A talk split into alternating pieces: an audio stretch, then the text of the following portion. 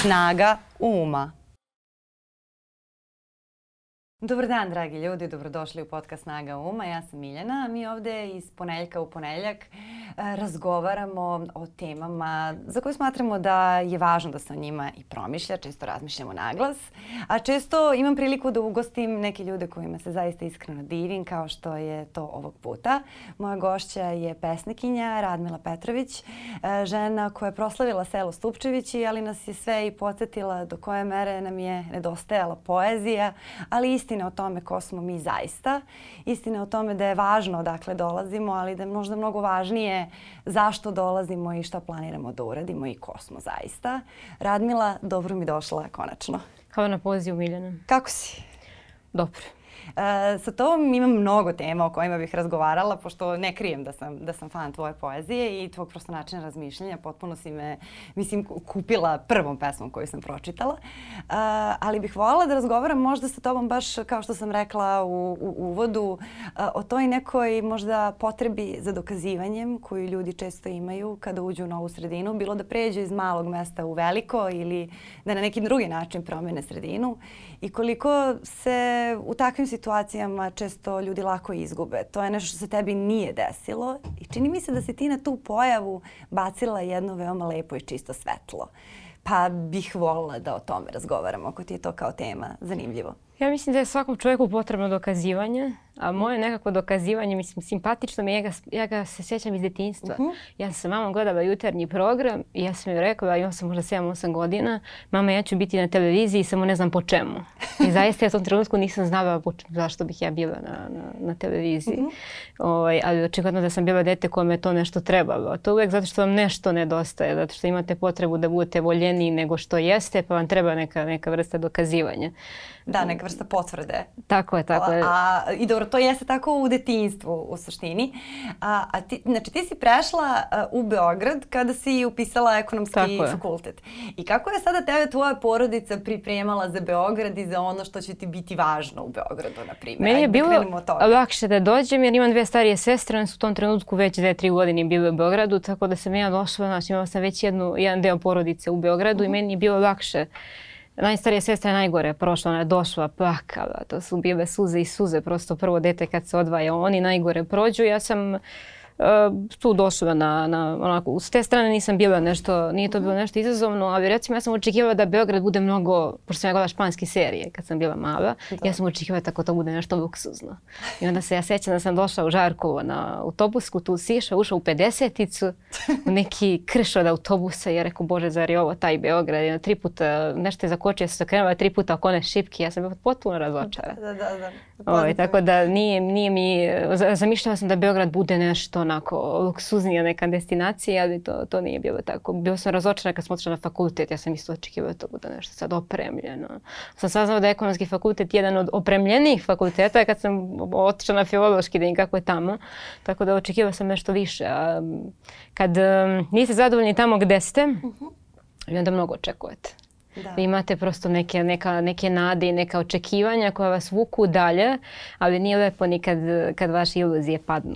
Dobro, ja mislim da se to dešava često i ljudima koji iz Srbije odlaze u inostranstvo, sada očekujući da će tamo sve biti savršeno, kao da tamo ne žive ljudi, nego neka, neka viša bića koja znaju nešto bolje.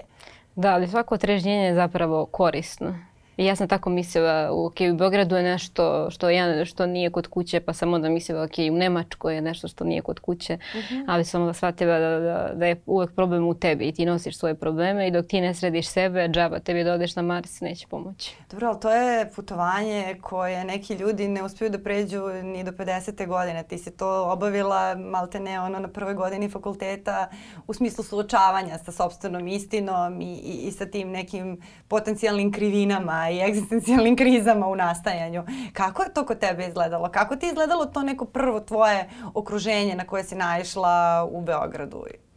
Um, kad smo se pripremali za ovo, ti ćeš mi reći, da, rekla si mi da, da mm. ćeš me pitati to da bi sam imala taj neki kompleks niže, niže, niže vrednosti. Ja sam bukvalno svoje sestre pitala, pošto ja to nisam imala, uh mhm. -huh. da li ste vas dve imale taj mhm. kompleks uh -huh. niže vrednosti? Ili kažem nismo, kao to nam uopšte nije, mi smo došli da završimo fakultet. Drugo, mi smo sve studirali na došljačkom fakultetu ekonomskom, gde i većina profesora mm, iz Užica, Arilja ili tako nekih mhm. manjih mesta, tako da nema to tamo. A i nisam, mislim da je, onda sam razmišljala, mislim da je to stvar eh, neke starije generacije ta pocenjivanja na bazi porekla. Nisam uopšte srela uh, bilo koga koga znam da su pocenjivali na bazi toga. Ono što znam jeste da imaju nišlije i leskovčani probleme sa naglaskom. Uh mhm. -huh. Znam recimo u mojoj e, grupi na fakultetu je bio momak koji se nikad nije javio na predavanjima, a bio je tako pametan, uh mhm. -huh. samo zato što ga je bilo sramota na, zbog načina kako govori, koji je dobio sve, nije, nije zaradio pojene prosto koje su mu trebale za ocenu zbog toga što, što, što ga je bilo sramota da se javi um, on samo nije e, razvio dobar, do, do, dobar mehanizam odbrane. Ja nisam čak ni sigurna da li je e, to pocenjivanje recimo tipično za, za mesto odakle dolaziš, ali mislim da postoji jedna kultura pocenjivanja uh, u tim godinama uh, koja je onako, da kažem, catch all. Uh, Pa sad, u zavisnosti od toga šta imaš, na osnovu toga te pocenjuju. Ukoliko dolaziš iz malog mesta, pocenjuju te na osnovu toga. Ukoliko, ne znam, izgledaš drugačije, onda je zbog toga. Ukoliko nemaš dovoljno novca, onda je zbog toga, ali svako u suštini ima nešto. I nije sada to kao, da kažem, jedinstveno, ali, ali mi se čini da a, to nekad krene kao u mladim godinama, u tim godinama traženja, godinama puberteta, još mnogo pre fakulteta i da se čovek ili oslobodi toga, a da nekad zaista čovek može da, da dođe i do zrelih godina uh, zarobljen tim, tim nekim, kao da kažem... Pa mislim, imate roditelje koji dižu... Nesigurnostima, nisu to kompleksi, ali jesu da nesigurnosti... Jesu, teški kompleksi. Pa da, ta, to, to zapravo da li nas vodi uh, potreba uh, da se dopadnemo sebi, da, da kažem ispunimo svoje očekivanja ili da ispunimo očekivanja nekih ljudi koje smo mi odredili kao važne na osnovu nekih pravih kriterijuma ili ceo život jurimo da se dopadnemo nekim ljudima koji su nam u suštini potpuno nevažni. Ajde, kao, kad bih mogla tako da ga... Ove, ovaj, a ako, ako tebe to očigledno nešto što je došlo sa vaspitanjem.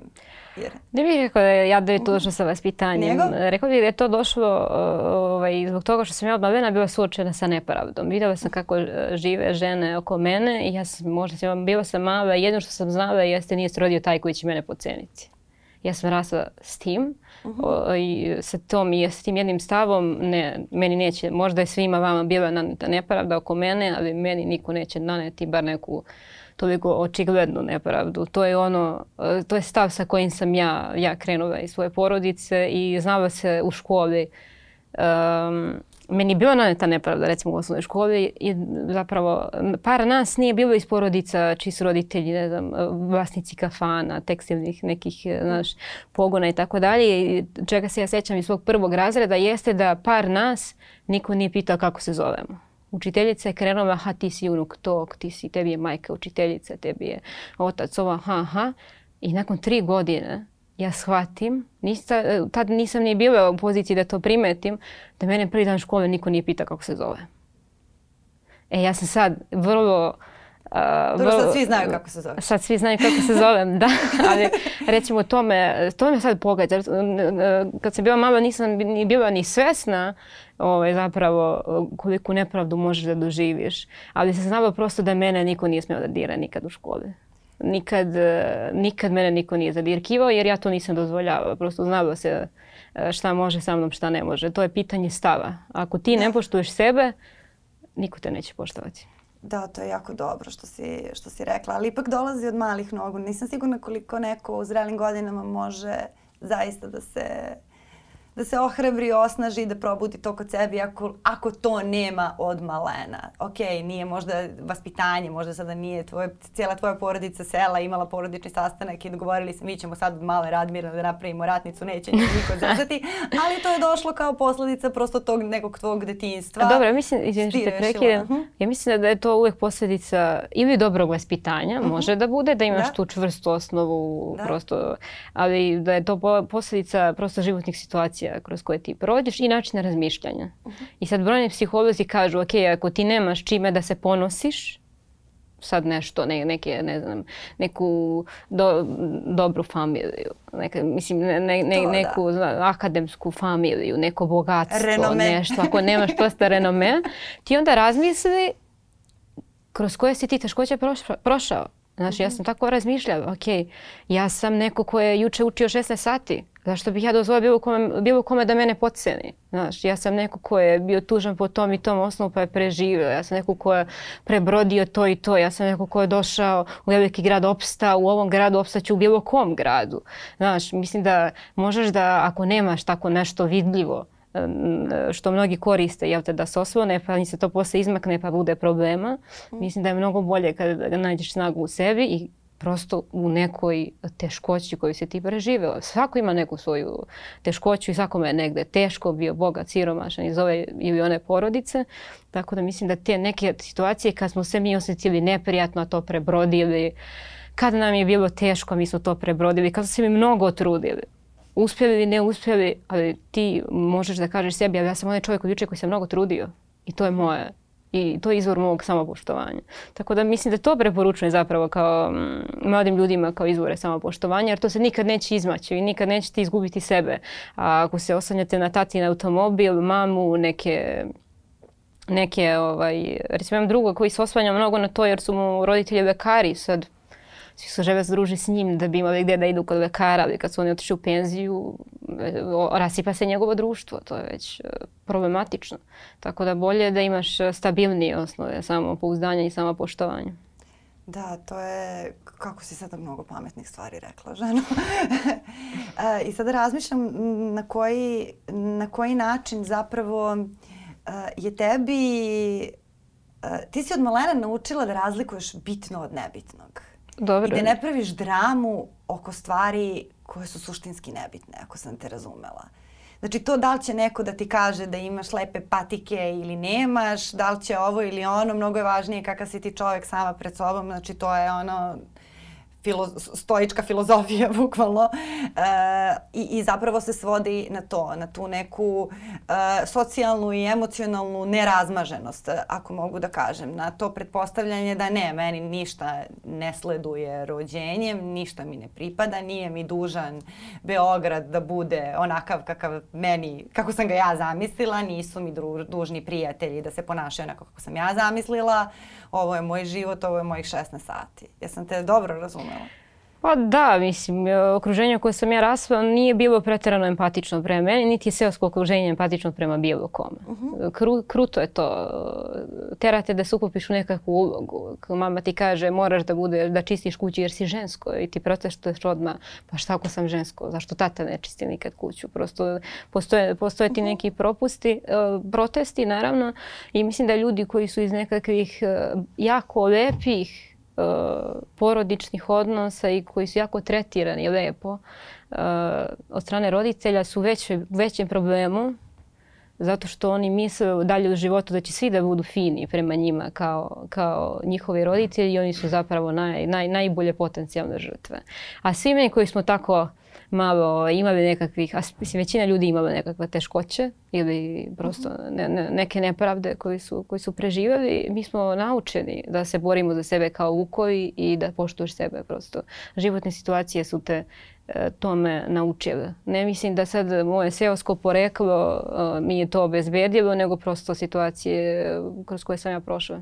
Da, to se nauči prihvatanje života i to postoji čak i teza, čitala sam uh, u, u psihologiji da jeste kao jedna bojazan kod ljudi koji su imali previše ušuškano detinstvo, uh, taj moment da kada izađu u realan svet uh, mogu da zaista maltene ovaj, dođu u neke depresivne faze zbog toga što nije sve tako idealno, zbog toga što su njihova očekivanja uh, od sveta prevelika, zato što nisu mamine i tatine princeze, zato što su zapravo samo mamine i tatine princeze da nisu princeze i prinčevi uh, van, uh, van te porodične ljubavi. I kao jeste divno i lepo dobiti ljubav u detinstvu, ali da ta kao granica i razlika, tu se čak i kao pravi neka paralela između načina koje, primjer, holandjani vaspitavaju svoju decu, to da tako da budu, da kažem, uh, samostalna od malena. Vidiš dete koje se igra na plaži 5 sati samo, da ne traži pažnju mame, tate, iako je malo, jer ono samo sebi već naučilo da osmisli vreme, a s druge strane strani imaš to balkansko, ljubi ga majka, ljubi je majka, ti si moje zlato, sve, sve ona mora da ima čim pokaže prstom i tako dalje.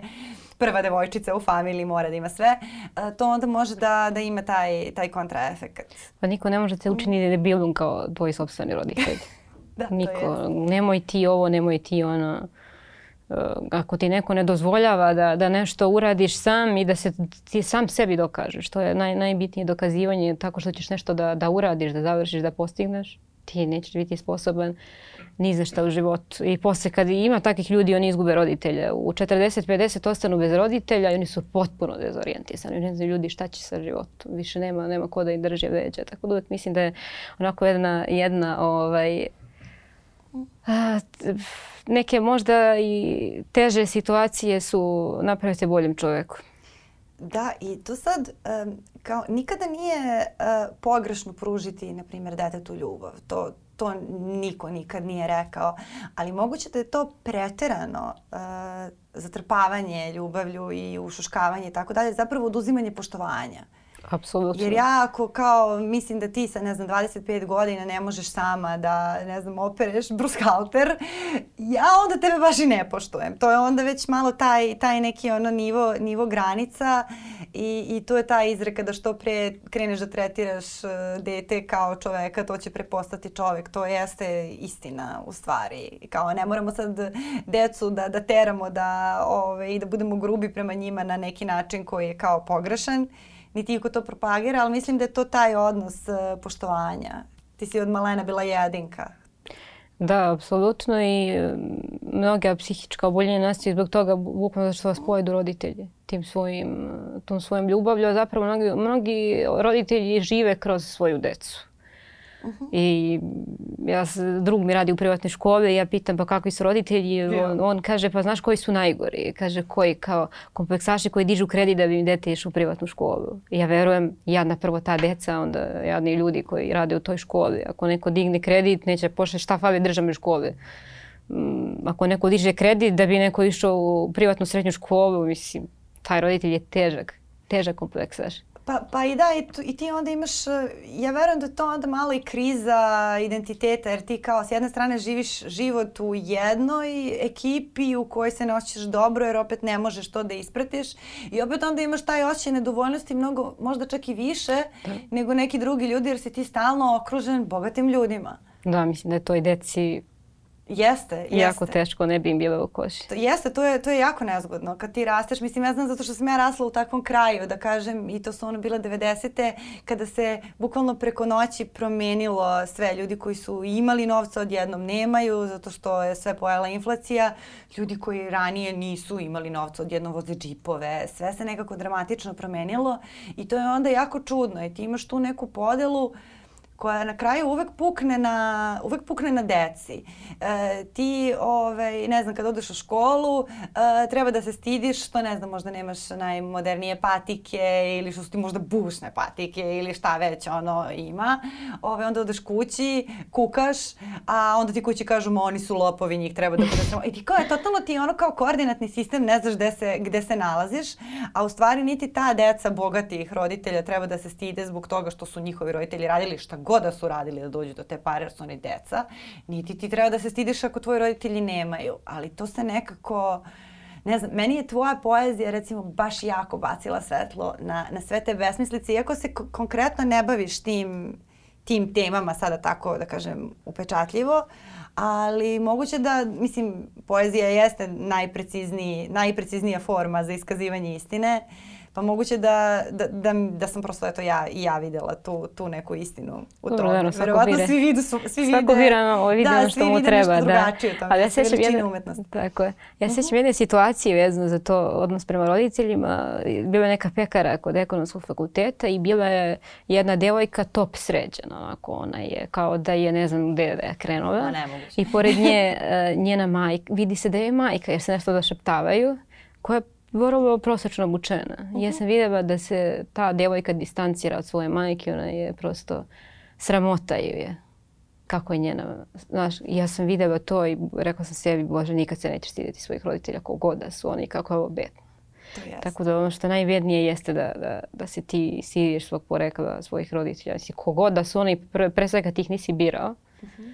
I sve to jedna onako malo ne, neko se rodi tu, neko ovde, uopšte to nije, glupo ja kad vidim da se neko hvali na bazi toga šta su mu roditelji, ja mislim, da, kao, ok, mislim, ali kakve veze imati, znači, kao, nisi, se, ti, nisi ništa uradio za to šta su tvoji roditelji, to ti je dato. Za, zašto bi meni bila prednost ili mana ko su moji roditelji? Ne vidim, tako da sam jako nisu mi, nisu mi ovaj, ne zvuče mi pametno ti ljudi koji sad pričaju o svojim familijama, familijarnim vezama i postignućima. Mislim, kako da recim i tebi, ja uvek pitan kao šta me veze, šta, ko su ti majka i tata, ok, imaš bolji, bolji, bolj, bolju početnu osnovu, uh mhm. -huh. ali kao šta si ti s tim uradio. Mislim da je veći neuspeh kad ti ljudi iz super porodica ne postignu ništa u životu, nego kad prosto neko iz neke, neke nefunkcionalne ili siromašne porodice ostane na tom nivou na, na kom su i njegovi roditelji. Moj tata uvek kaže, ja ništa nisam uradio ako, moj, ako moje deca nisu bolja od mene. I mislim da to treba bude e, floskula svih roditelja.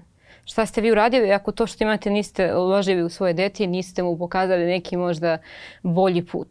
odnosno ne, neki vredniji put, nešto gde, gde on može još više, još, jer ako vi znate dobro da usmerite dete, to je divno. Ja, na primjer, slušam, slušala sam pre intervju Srđana Đokovića, uh mhm. -huh. koji tvrdi kako su roditelji ključni u, ne znam, nekom profesionalnom uh, upućivanju dece. Ja sam bila ljuta kad sam to čula. Osjetila sam nepravdu jer kao moji roditelji bili poljoprivrednici, oni nisu postavili nikakve informacije o mogućim zanimanjima, sem o tom.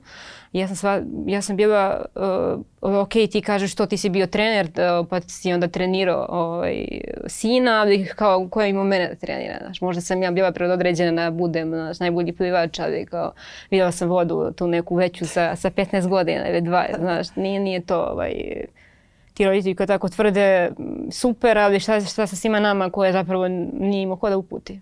Ko ti si morao negde sam nešto da, da, da izgradiš neku svoju gde, gde želiš, pa kao ako uspeš, uspeš. A joj, ja ne znam, to meni je nekako svaki put kad tako roditelji krenu da pričaju o uspehu dece, Možda zato što sam ja iz takve porodice, ne znam, ali to ono što, i to što tvoj tata kaže, e, valjda je posao roditelja da se da, da daju sve od sebe da to dete ume da bude srećno izrastala u nekog čoveka koji će da živi po svom i da bude srećan, srećna i zadovoljna osoba. A ne sada da opet se tu vraćaš na taj život kroz dete. Šta Tako sad, je, da. kao ja sam htela da budem glumica i sad ću sutra da rodim petoro dece i rađaću decu dok se ne, dok se ne pojavi neka Milana Dravić nova. Pa mislim, ko, št, ko je to, šta, čemu to služi? I mislim da je ono što je kod nas u, kulturi um, pogrešno postavljeno jeste to sveto roditeljstvo.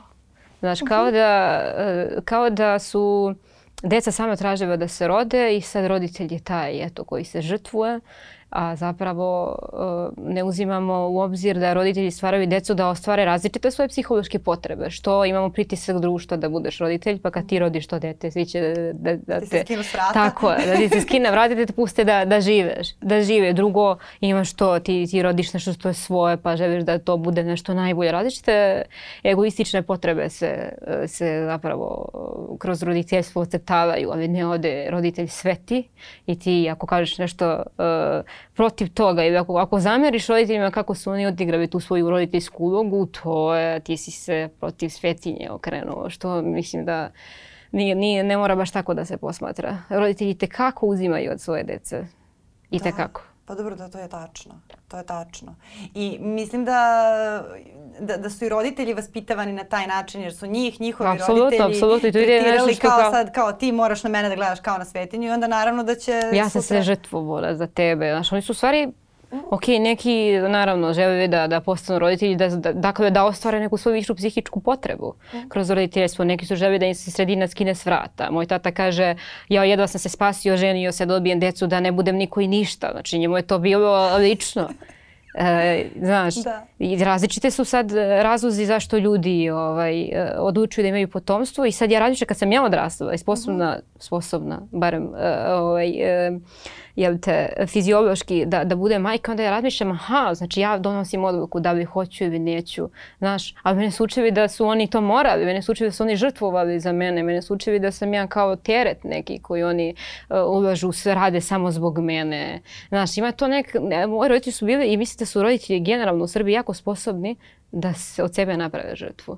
I onda ti tek kad odrasteš i kad shvatiš da si ti taj koji odlučuje u svom životu da li ćeš imati decu, koliko ćeš imati dece, kako ćeš ih e, gajiti i tako dalje. Dakle, da li ja sad treba da rodim deti da ga optužujem za sve što ja nisam postigla u životu, jer kao sve to nisam zbog njega. Mislim da tu ima dosta uh, došlo postavljenih stvari. Da, i za sve što si postigla, možda nemoralan ili ovakav, onakav način iz pohlepe, iz ovoga, iz onoga, sve neke moralne sve principe. Sve sam ja to sad si, zbog tog deteta. Sve, da, da, da, da, pokrao sam državu jer zbog dece imam da, decu. Da, sve sam mora zbog dece. Da. dobro, da, deca su dobar alibi. O, a deca su odličan libi za sve, ja mislim što nisi postigao u životu jer ti onda imaš koga da optužiš, odnosno za koga si se ti nešto žrtvovao. Mislim, naravno, roditeljska uloga je jako teška i treba imati dosta, ako, ako si čovjek koji zaista razmišlja i svestan je svih mogućnosti, ja mhm. e, mislim da treba imati dosta hrabrosti da se odlučiš da zaista budeš, da, da, da, da budeš, budeš roditelj. To, to je za ono ko zaista razmišlja i ko ne prati samo ono što društvo nameće, da, odluka da budeš roditelj je jedna hrabra odluka. Jeste, ali meni recimo nije jasno sada ti, recimo u poslednjih 10-15 godina procenjuje se da su pedagogija, psihologija i sve te kognitivne nauke napredovale više nego za prethodnih 100. E, u smislu da se mnogo više zna, da ti uh, mnogo više znaš o tome na koji način utičeš na dete nekim svojim možda i neprimetnim postupcima. I to je sve neverovatno dostupno, mnogo dostupnije nego kad su moji roditelji dobili mene ili tvoji tebe, a da ne govorimo o njihovim roditeljima. Znači ti danas bukvalno možeš da ukucaš na Google uh, kako biti ok roditelj, kako biti asertivan roditelj, izaći će ti nekih deset stavki koje ako primenjuješ bit će mnogo bolje sigurno nego da, da ne primenjuješ. I nekako mi je čudno da e, ove, i, i dalje to opet, e, opet se vraćamo starim šablonima, da, da, da je ta neka, da li to kulturno nasledđe, da li ta tradicija, to kako je mene moja mama, tako je nju njena mama, e, ko, ko zemlja gruva pesmi, ove, to je nit ni od hiljadu godina, Eh, da, da je to opet jače i da uvek nekako pretegni. Koliko god da govorimo stalo, da nećemo biti kao, neću biti kao svoja majka, mislim realno biću. Dobro, naravno, svi psihološki mehanizmi eh, u okviru nas eh, nas vuku da budemo bukvalno kao svoji roditelji i to je borba sam protiv sebe da, da ti to ne budeš. Mm. Mislim, sve će naravno ići ka tome ovaj, da, da ti budeš kao, kao svoj roditelj. Sad, Mislim, šta je problem što mnogi e, postanu roditelje da ne znaju ko su oni. Znaš, ti, ti stvorio si neko dvoje dece, ti si sad, znaš, nije više pitanje šta ti želiš da radiš. Ti sad moraš da radiš, ta deca mora, mora da imaju šta da jedu, moraju da, da se obuku. Ne, znaš, ti sad radiš potpuno mhm. drugačije. Tvoji snovi nekako, ja mislim, kad postaneš roditelj, nisu toliko mhm. ovaj, u centru pažnje koliko ovaj, šta, šta tom detetu treba. I sad zamislite neku ženu koja možda nema obrazovanje ili se obrazovala, nikad nije radila svoj posao tu u kući sa dva deteta koja potpuno dezorijentisana šta će ona sa svojim životom. I zato mislim da je ključno da čovjek prvo izgradi sebe, pa onda da, da, da stvara e, svoju porodicu. Jer ako ti to... Moja mama se udava s 15 godina. S 15? Tako je. I ja bak. razmišljam ovako racionalno. Uh mhm. -huh. Šta je, u 18 ima već troje dece. Šta je ta devojčica mogla da priušti uh, e, svoje deci? Ovako racionalno, bio jako mlada, nezrela. Znaš, ja mislim, ja sad nju gledam, ona je tek sad žena sposobna da ima decu. Nekako psihički je jaka i tako dalje. Ali šta, je, šta bilo ko s 15 godina 18 može da, da, da, da, da. Mislim, može da, naravno, neko da, da zavisi od kapaciteta. Da, imaš više imaš. Kapiram da imaš više živaca, u mom selu kažu... manje drame, manje drame, znači tak. mnogo više dramiš kada pa dobiješ dete sa 35 godina, znači znaš sve ono krivine, sve živo, sve si ono, mislim da si u, u overthink modu ozbiljnom, u kom sa 18 nisi, jer ne znaš ne zna šta su sve problemi, pa se ni ne opterećuješ, pretpostavljam, ne znam. Šta da. ona kaže? pa mislim, ona se uvijek ljuti kada tako nešto konstatujem, naravno, mislim. Ali hoću da kažem da, e, sad ja kad odem na selo, prvo se pita kada će da se udam. I Čiča mi kaže, Mile, udaj se, rodi decu, posle će sve da teče u životu. A ja stvarno ne vidim kako će to da teče, ko će, ko će da, da ovaj, kao, da, neće to da teče. Mislim, nekako je vrlo Eh, tamo odakle sam ja, bitno da imaš dete, ako nemaš dete ti si niko ništa. I onda uvek ima, idu priče o tim nekim uspesnim ženama, ljudima, ali džaba joj sve kad nema dete, za koga ona radi i tako dalje. Nema, uopšte nema tog izbora. Da, znaš, toliki je pritisak da ja sam svesna, a ja kad bi živjela tamo, mislim da bi, mislim, nema načina da ti ne podlegneš tom pritisku. Pritisak je prosto ogroman. Ali mislim da je i za, i za dete i za roditelja bitno da, da kad imate jednog samo svesnog roditelja On neće na vas prenositi e, svoje neke želje, ne znam ti šta, on e, nekako je e, veća verovatnoća da, da, da će bolje postupati u, tvoj, u toj svojoj ulozi. Kad imate majku od 15 godina, koja još ako živi u nekom lošem okruženju, ne znam ja koliko ona može da bude, ovaj, ka, ka, kako ona može odigrati tu svoju ulogu. Neke žene su odigrave bolje, neke loši, ja bi prosto ne, ne podržavam uopšte da, da postaneš previše mlada majka. Ne smatram da je to dobro. A kako si ti pronašla svoj glas u toj? Ti si imala taj glas, čini mi se, mnogo pre nego što si došla u Beograd. Ne, ne, ne dođe ti to baš.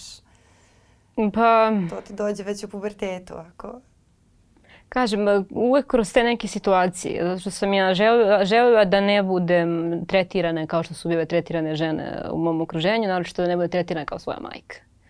I ja sam znala da nije se rodio taj koji će se pre meni tako ponašati. A kad si to prepoznala kod sebe? Ja se sećaš tog trenutka? Ne sećam se prosto, od uvek je bilo tako. Mislim, ja samo nisam želela tako.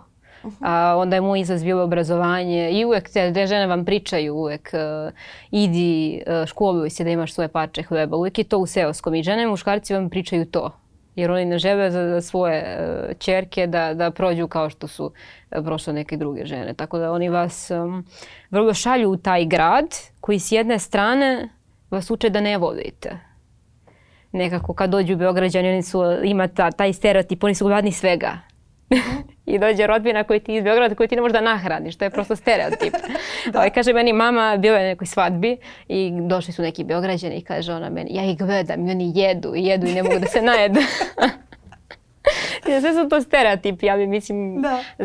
znaš, tu postoji uvek neko neprijateljstvo selo gradi i zapravo ja se kao mala sećam dođe naš, nama neka rodbina iz Beograda. Uh mhm. -huh. Sad oni znaju koji nivo obrazovanja imaju moji roditelji i mi smo mali, ali oni dođu i uh, počnu da pričaju o Ani Karenjinoj romanu, mm -hmm. za mhm. koju oni sigurno znaju da moji roditelji nisu čitali. Ja sećam kad sam bila mala i mislim se u sebi ljudi, ali šta nije u redu s vama, zašto, zašto biste vi došli na selo i pričali o Ani Karenjinoj, znaš, prave se, oni se prave neke, znaš, kao, mislim se dođite sada da mi pričamo, da pričamo o književnosti. da, bi znaš. Da, da, kao baš onako prate trendove književne. Da, kao oni do, ne, dođe, došli su kod rodbine na selo i toliko su zadovoljni sobom i svojim životom da će sad da, da tim ljudima koji prosto znaju da nisu čitali, da pričaju Ani Karenjinu. Ne, oni zapravo vode između sebe nekakav su vodije nekakve razgovore visoko E, A to je znaš, opet akademske, znaš. To je opet I ja razmišljam, dokazivanje. Ako si ti došla, znaš, kao da ovdje pred mojim roditeljima koji imaju osnovnu školu i manje, e, vodiš akademske razgovore, pa s tobom žena ništa nije u redu, mislim. Što ne vodiš tamo. Uvek ima to, dođe vam neka Uh, to sam osjećala kad sam bila mala. Dođe vam neka strina tetka koja je čistačica, ali kad ona dođe u vaše selo, ona je bog, ona je kao predsjednica Srbije da vam je došla. Treba, da ne može u svom okruženju normalno da se istakne i onda naš, svaka prilika da se zgrabi na neka, neka privilegija, zasluga je ovaj, i njena. I to me nervira kod tih ljudi koji dolaze na, na, na selo, Ja sam primetila da svi oni misle da smo mi um, neki divljaci, da mi ne znamo ništa i tako dalje. A mi zapravo eh,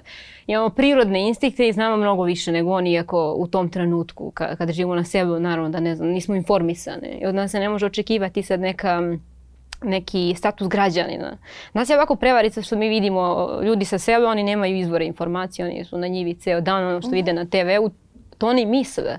Znaš, ljudi Kad koji žive... Kad ga misliš u ovom političkom smislu, medijski. Tako je, tako je, da, znaš, da. oni to vide i Znaš, oni nemaju drugi izvor informacije, oni nisu tu u gradu pa da čuju afera ova, afera ona, novinar je ovaj otkrio ovo, otkrio ono, pa da se tu malo nešto više informišu.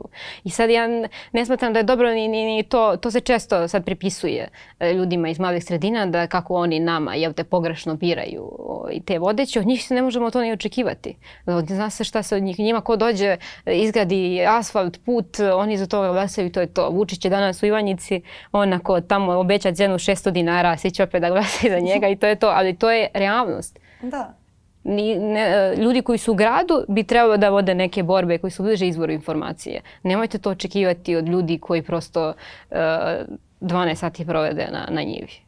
Pa dobro, isto kao što u gradu možeš da prodaš uh, papriku koja nije uopšte organska, samo nalekrišenje. Ja da ne verujem u organ, nemoj da- se nemojmo otvarati. Kao bazi da te ne provali neko, otprilike na kaleniću. Pa mislim. Možeš da prodaš za 100 eura papriku ako si dovoljno pre, premazan, jer ljudi nemaju pojma, mislim. Ljudi naravno da nemaju pojma. I da. sad, i, kad smo kod organskom, samo moram to, moram to da kažem, ovaj, potpuno su različiti zahtjevi i kad vi neko iz grada, ja, ja sam prodavao nekad na pijacu i mhm. videla sam, vi kad dođete imate neku gospođu gradsku, ona hoće jabuku da nema onu pecku, da nije oštećena, da bude da. krupna, a da bude organska. Pa to ne može.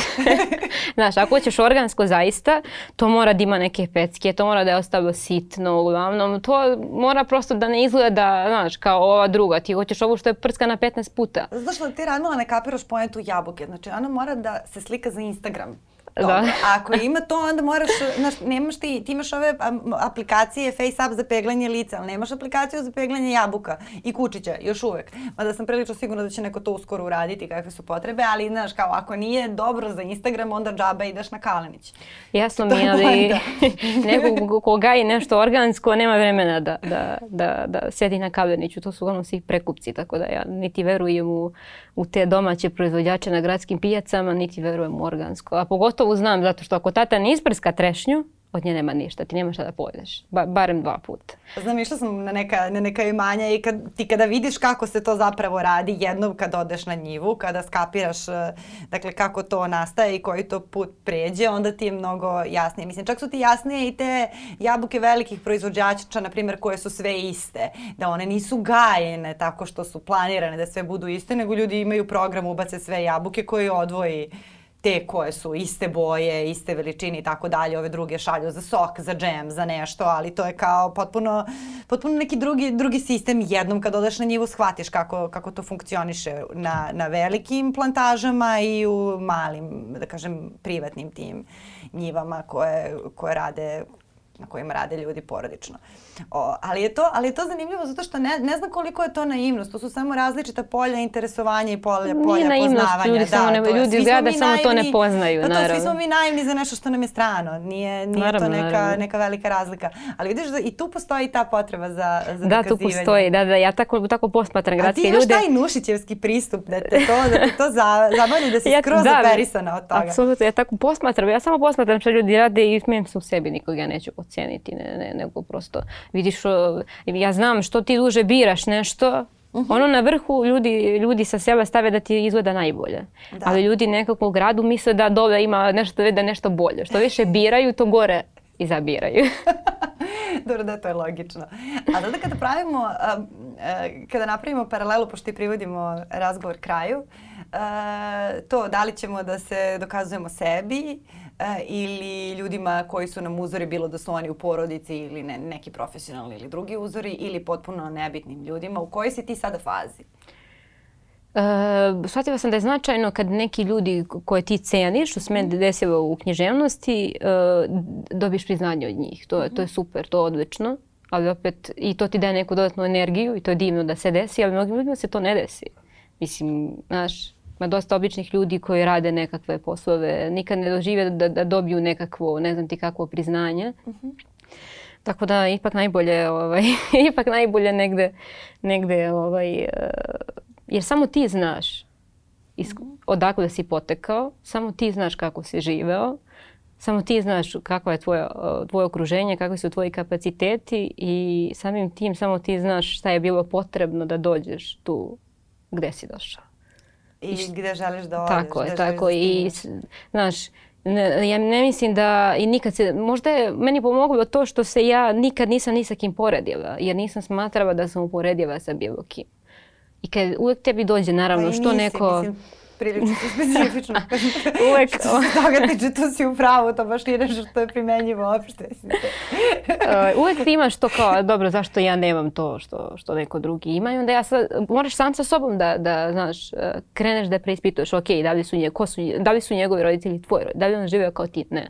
Da li je to što uporedivo, na, na kraju e, zaključiš da niste uporedive kategorije. Mislim da nikakva, ne postoje dva čoveka koji su uporedive kategorije. I kad ti to sa sobom raščistiš, više se ni sa kim ne upoređuješ. Samo e, gledaš prosto da, da, da, da, da radiš ono što u datom trenutku možeš. Nekad ne možeš da radiš ništa, nekad možeš samo da se odmaraš i to je sasvim u redu. Mislim da ono što ne znaju naši ljudi, ne, što ne zna moja porodica recimo, to je da stane, da se odmori, da, da, da se zabavlja, Znaš, zna ih samo težak rad. I ja sam, e, pokušavam sad recimo da menjam to kod sebe, da neka se smatra ono što nije mučenje, da to nije život.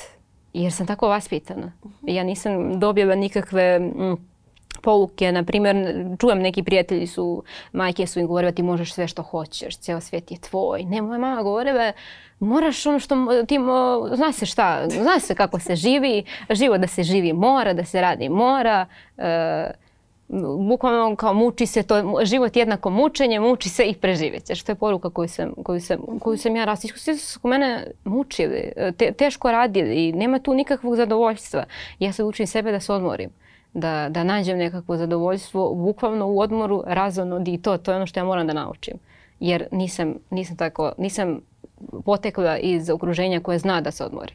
Mislim da to čak i nije specifično e, za selo i da, da li je to do ove sredine, da li je do, ne znam, popularne kulture, onoga što nam se servira i kroz medije i tako dalje, ali recimo taj, taj moment e, e, da ništa nisam uradila ako se ne mučim i da imam grižu savesti, na primer, ako se ne mučim u poslu, čak i ako posao radim dobro, na primjer, ili tako nešto, čak i ja to imam kod sebe, iako sam ja u detinjstvu recimo slušala to sve, ceo svet je tvoj, ti treba da budeš srećna, ne znam, uopšte nemoj da gledaš to šta ti društvo nameće, e, ako voliš da voziš tramvaj, vozi tramvaj na najlepšoj trasi, znaš, kao to kao puna podrška roditelji, ali opet nekako dođeš u tu situaciju da imaš osjećaj kao da uh, ne štojiš čvrsto uh, na zemlji ako nisi crkla.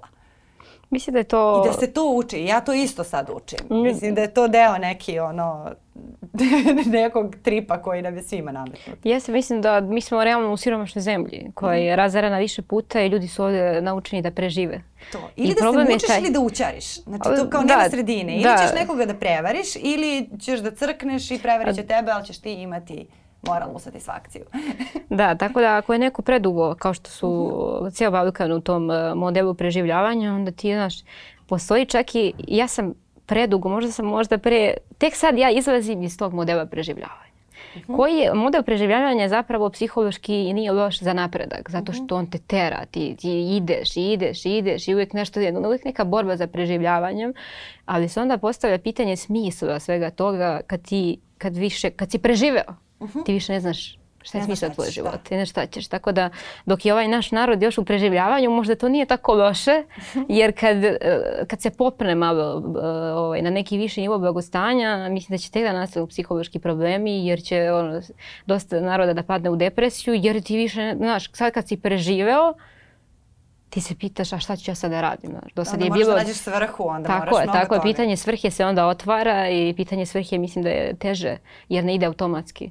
Preživljavanje ide automatski, to su naši instikti koji nas, koji nas prosto ovaj, postiču da preživimo, ali kad se postavi pitanje svrhe, smisla, to su mnogo teže pitanje. Dobro, da i to su pitanja šta ti smatraš preživljavanjem. Nekome je preživljavanje puka egzistencija, nekome je preživljavanje zadržavanje ličnog dostojanstva, nekome je preživljavanje da e, ima vilu na Senjaku. Znači, ljudi imaju različite kriterijume za, za preživljavanje. Nekome preživljavanje da mora svakog meseca da 1000 da evra za botoks i filere i sve te stvari, jer u suprotnom neće. Pa ja verujem da je tek to preživljavanje, jer to, to, znaš, to, to, to, to jeste preživljavanje. preživljavanje. Ja mislim da to nije ni preživljavanje, ali to je kao druga tema. Ne, ako tebi treba ti 1000 evra da uložiš u lice da bi se osjećao dobro, to je jako loša pozicija i to jeste preživljavanje. Jeste, da, ali to, to, to s jedne strane, a s druge strane kada zaista prebaciš tu, tu lesicu koju si sami sebi zacrtao, onda dođeš do te, do te svrhe. Kako si ti sad Pa super, Sve, ja, sam... ja ti stala po tom pitanju, sad kad si preživela. Našla sam svrhu u postizanju nekih snova. Zadala sam neke, videla sam šta bi mogli biti moji novi snovi. Uh mhm. -huh. Pošto sam shvatila da, da stari tu i tamo nisu više radili za mene. Znaš, imam,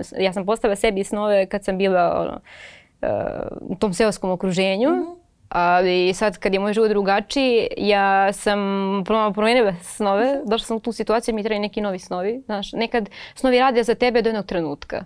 E sad, u nekom trenutku ti možda ne želiš više ono što si želeo sa 5 ili 15 godina i moraš malo da izvrši reviziju snova. Tako da bila sam zapravo tako, bilo mi je teško.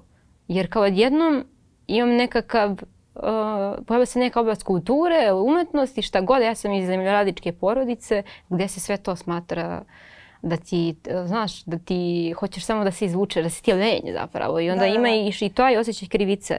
Ja kad uzmem da radim nešto što mi je potrebno, čitam neku knjigu koja je potrebna za nešto da ovako, ja imam osjećaj krivice je što ja ne radim neki težak fizički rad, znaš. Da, da. Tako da, da šta pišeš pesmu, uzmi kopaj. Da, kao šta pišeš ti. Sad ljudi misle kao ti pišeš neku pesmu, znaš, šta ti sve ti ovako neka inspiracija, ti to napišeš i kao šta. Ove, ovaj, tako da ne su te ljudi da bilo koju oblad izabereš, ti moraš i tekako da, da, da, da ulažeš u sebe ovaj, da, da bi prosto tamo napredovao, ok, možeš ti da tavoriš ako ti je to cilj života, ali, ali nije. Tako da mislim da se zapravo svima dešavaju ti neki preseci u životu, gde pa upadaju neke, neke psihološke krize, manje ili veće, gde prosto mora da se nađe ne, nešto drugo i mislim da su ništa nije korisnije od tih perioda depresije i tako lošeg raspoloženja, jer to znači da tvojoj duši treba nešto drugo i ti to nešto drugo nađeš pre kasnije, ali moraš da nađeš. E, sve je bolje, e, neko je rekao da je bolje i lutati malo nego biti na pogrešnom mestu. Tako da za mlade ljude mislim da, da je korisno malo lutati, sve bolje nego da se zakucani negde gde vam zapravo nije dobro. Shvatit ćete to u 50 pa će onda depresija. Što pre depresije to bolje da zaključimo. Joj, hvala ti mnogo na ovom razgovoru. Hvala Stvarno, znači, nije, u, pa, u par trenutaka sam zaista imala potrebu onako da zastanem i da upijem sve što si rekla, koliko si mudrih stvari rekla i zaista svaka ti čast, ja te želim veliku, veliku sreću i još mnogo snova hvala, Uh, koji, koji će te inspirisati i pokretati i mnogo ti hvala na, na svoj to istini koju nam zračiš i na svoju inspiraciju koju nam daješ, to je, to je mnogo jača hrana od neke druge. Hvala puno. Nadam se da se vidimo ponovo. A, hvala i vama na, na vremenoj pažnji. Sa nama je danas ovde razgovarala divna, inspirativna Radmila Petrović. Nadam se da vam je ovaj razgovor prijao, da, da vas je osvežio i da vas je nahranio.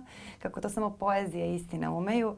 A mi smo tu i sledećeg ponedeljka u 16 časova na Nova RS i podcast platformama, na YouTube kanalu Nova S od srede i tu smo cijelog leta kao i prošle godine. Pratite nas. Prijetno!